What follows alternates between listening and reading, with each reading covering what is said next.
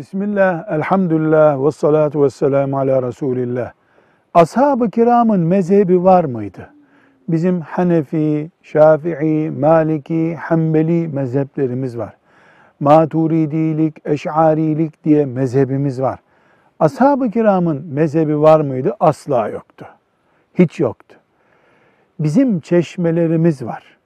Ashab-ı kiram kendisi suyun kaynağıydı zaten. Sahabi bizim mezhep diye bildiğimiz ekollerin, gayretlerin aslıdır. Ama herhangi bir sahabi şu mezheptendir denmez.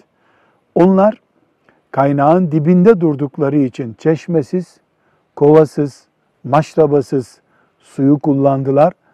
Biz uzakta olduğumuz için bize boruyla su geldi.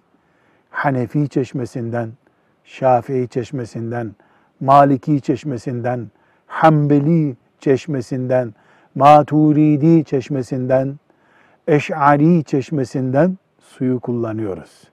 Çünkü biz sudan binlerce kilometre uzaktayız. Onlar suyun başındaydılar.